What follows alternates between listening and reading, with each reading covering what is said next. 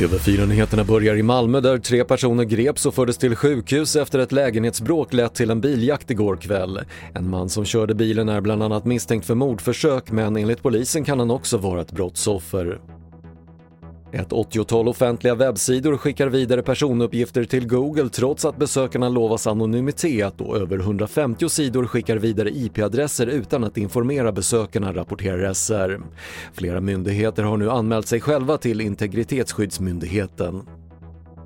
Moderna har börjat ta fram en ny variant av sitt coronavaccin som riktar in sig på de mutationer som cirkulerar. Man experimenterar med olika sätt för att vaccinet ska bita på mutationerna och en metod är en blandning av det nuvarande vaccinet och en extra uppdaterad dos.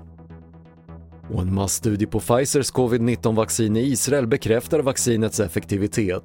Enligt studien som publicerats i New England Journal of Medicine var effektiviteten 94% efter att andra vaccindosen tagits. Siffran är väldigt nära de 95% som läkemedelsjätten redovisat i sin studie. Det var det senaste från TV4 Nyheterna. Jag heter Patrik Lindström.